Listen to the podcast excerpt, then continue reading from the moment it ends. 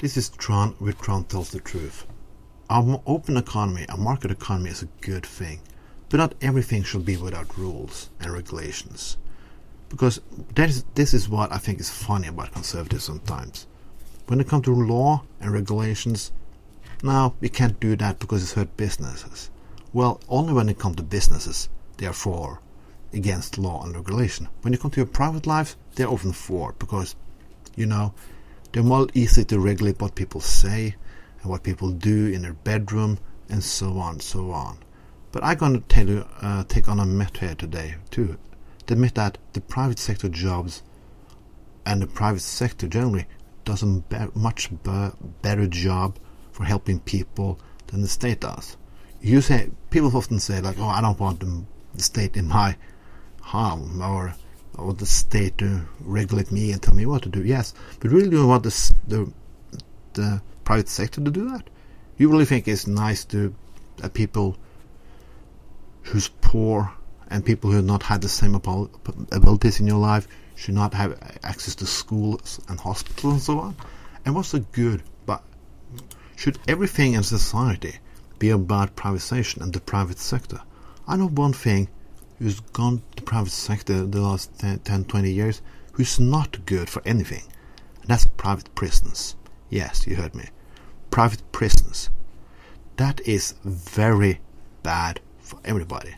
Well, why do you say? Why can private people run it better? Yes, they can run it better. But you know, a prison is not like anything else.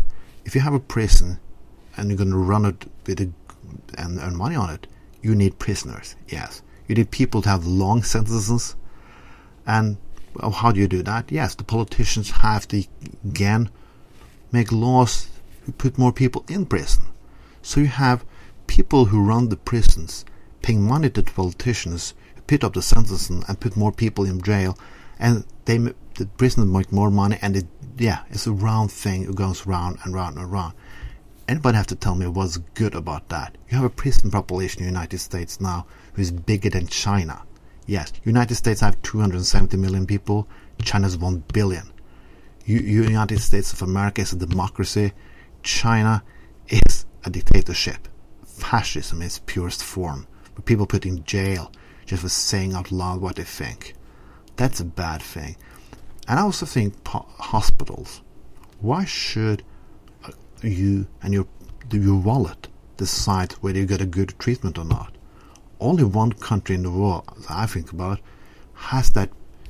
Uh, no, one country in the modern Western world has no health care for poor people, and the United States. We have it in Norway, and it works very well. Not everything is good in the private sector. Something should not be in the private sector.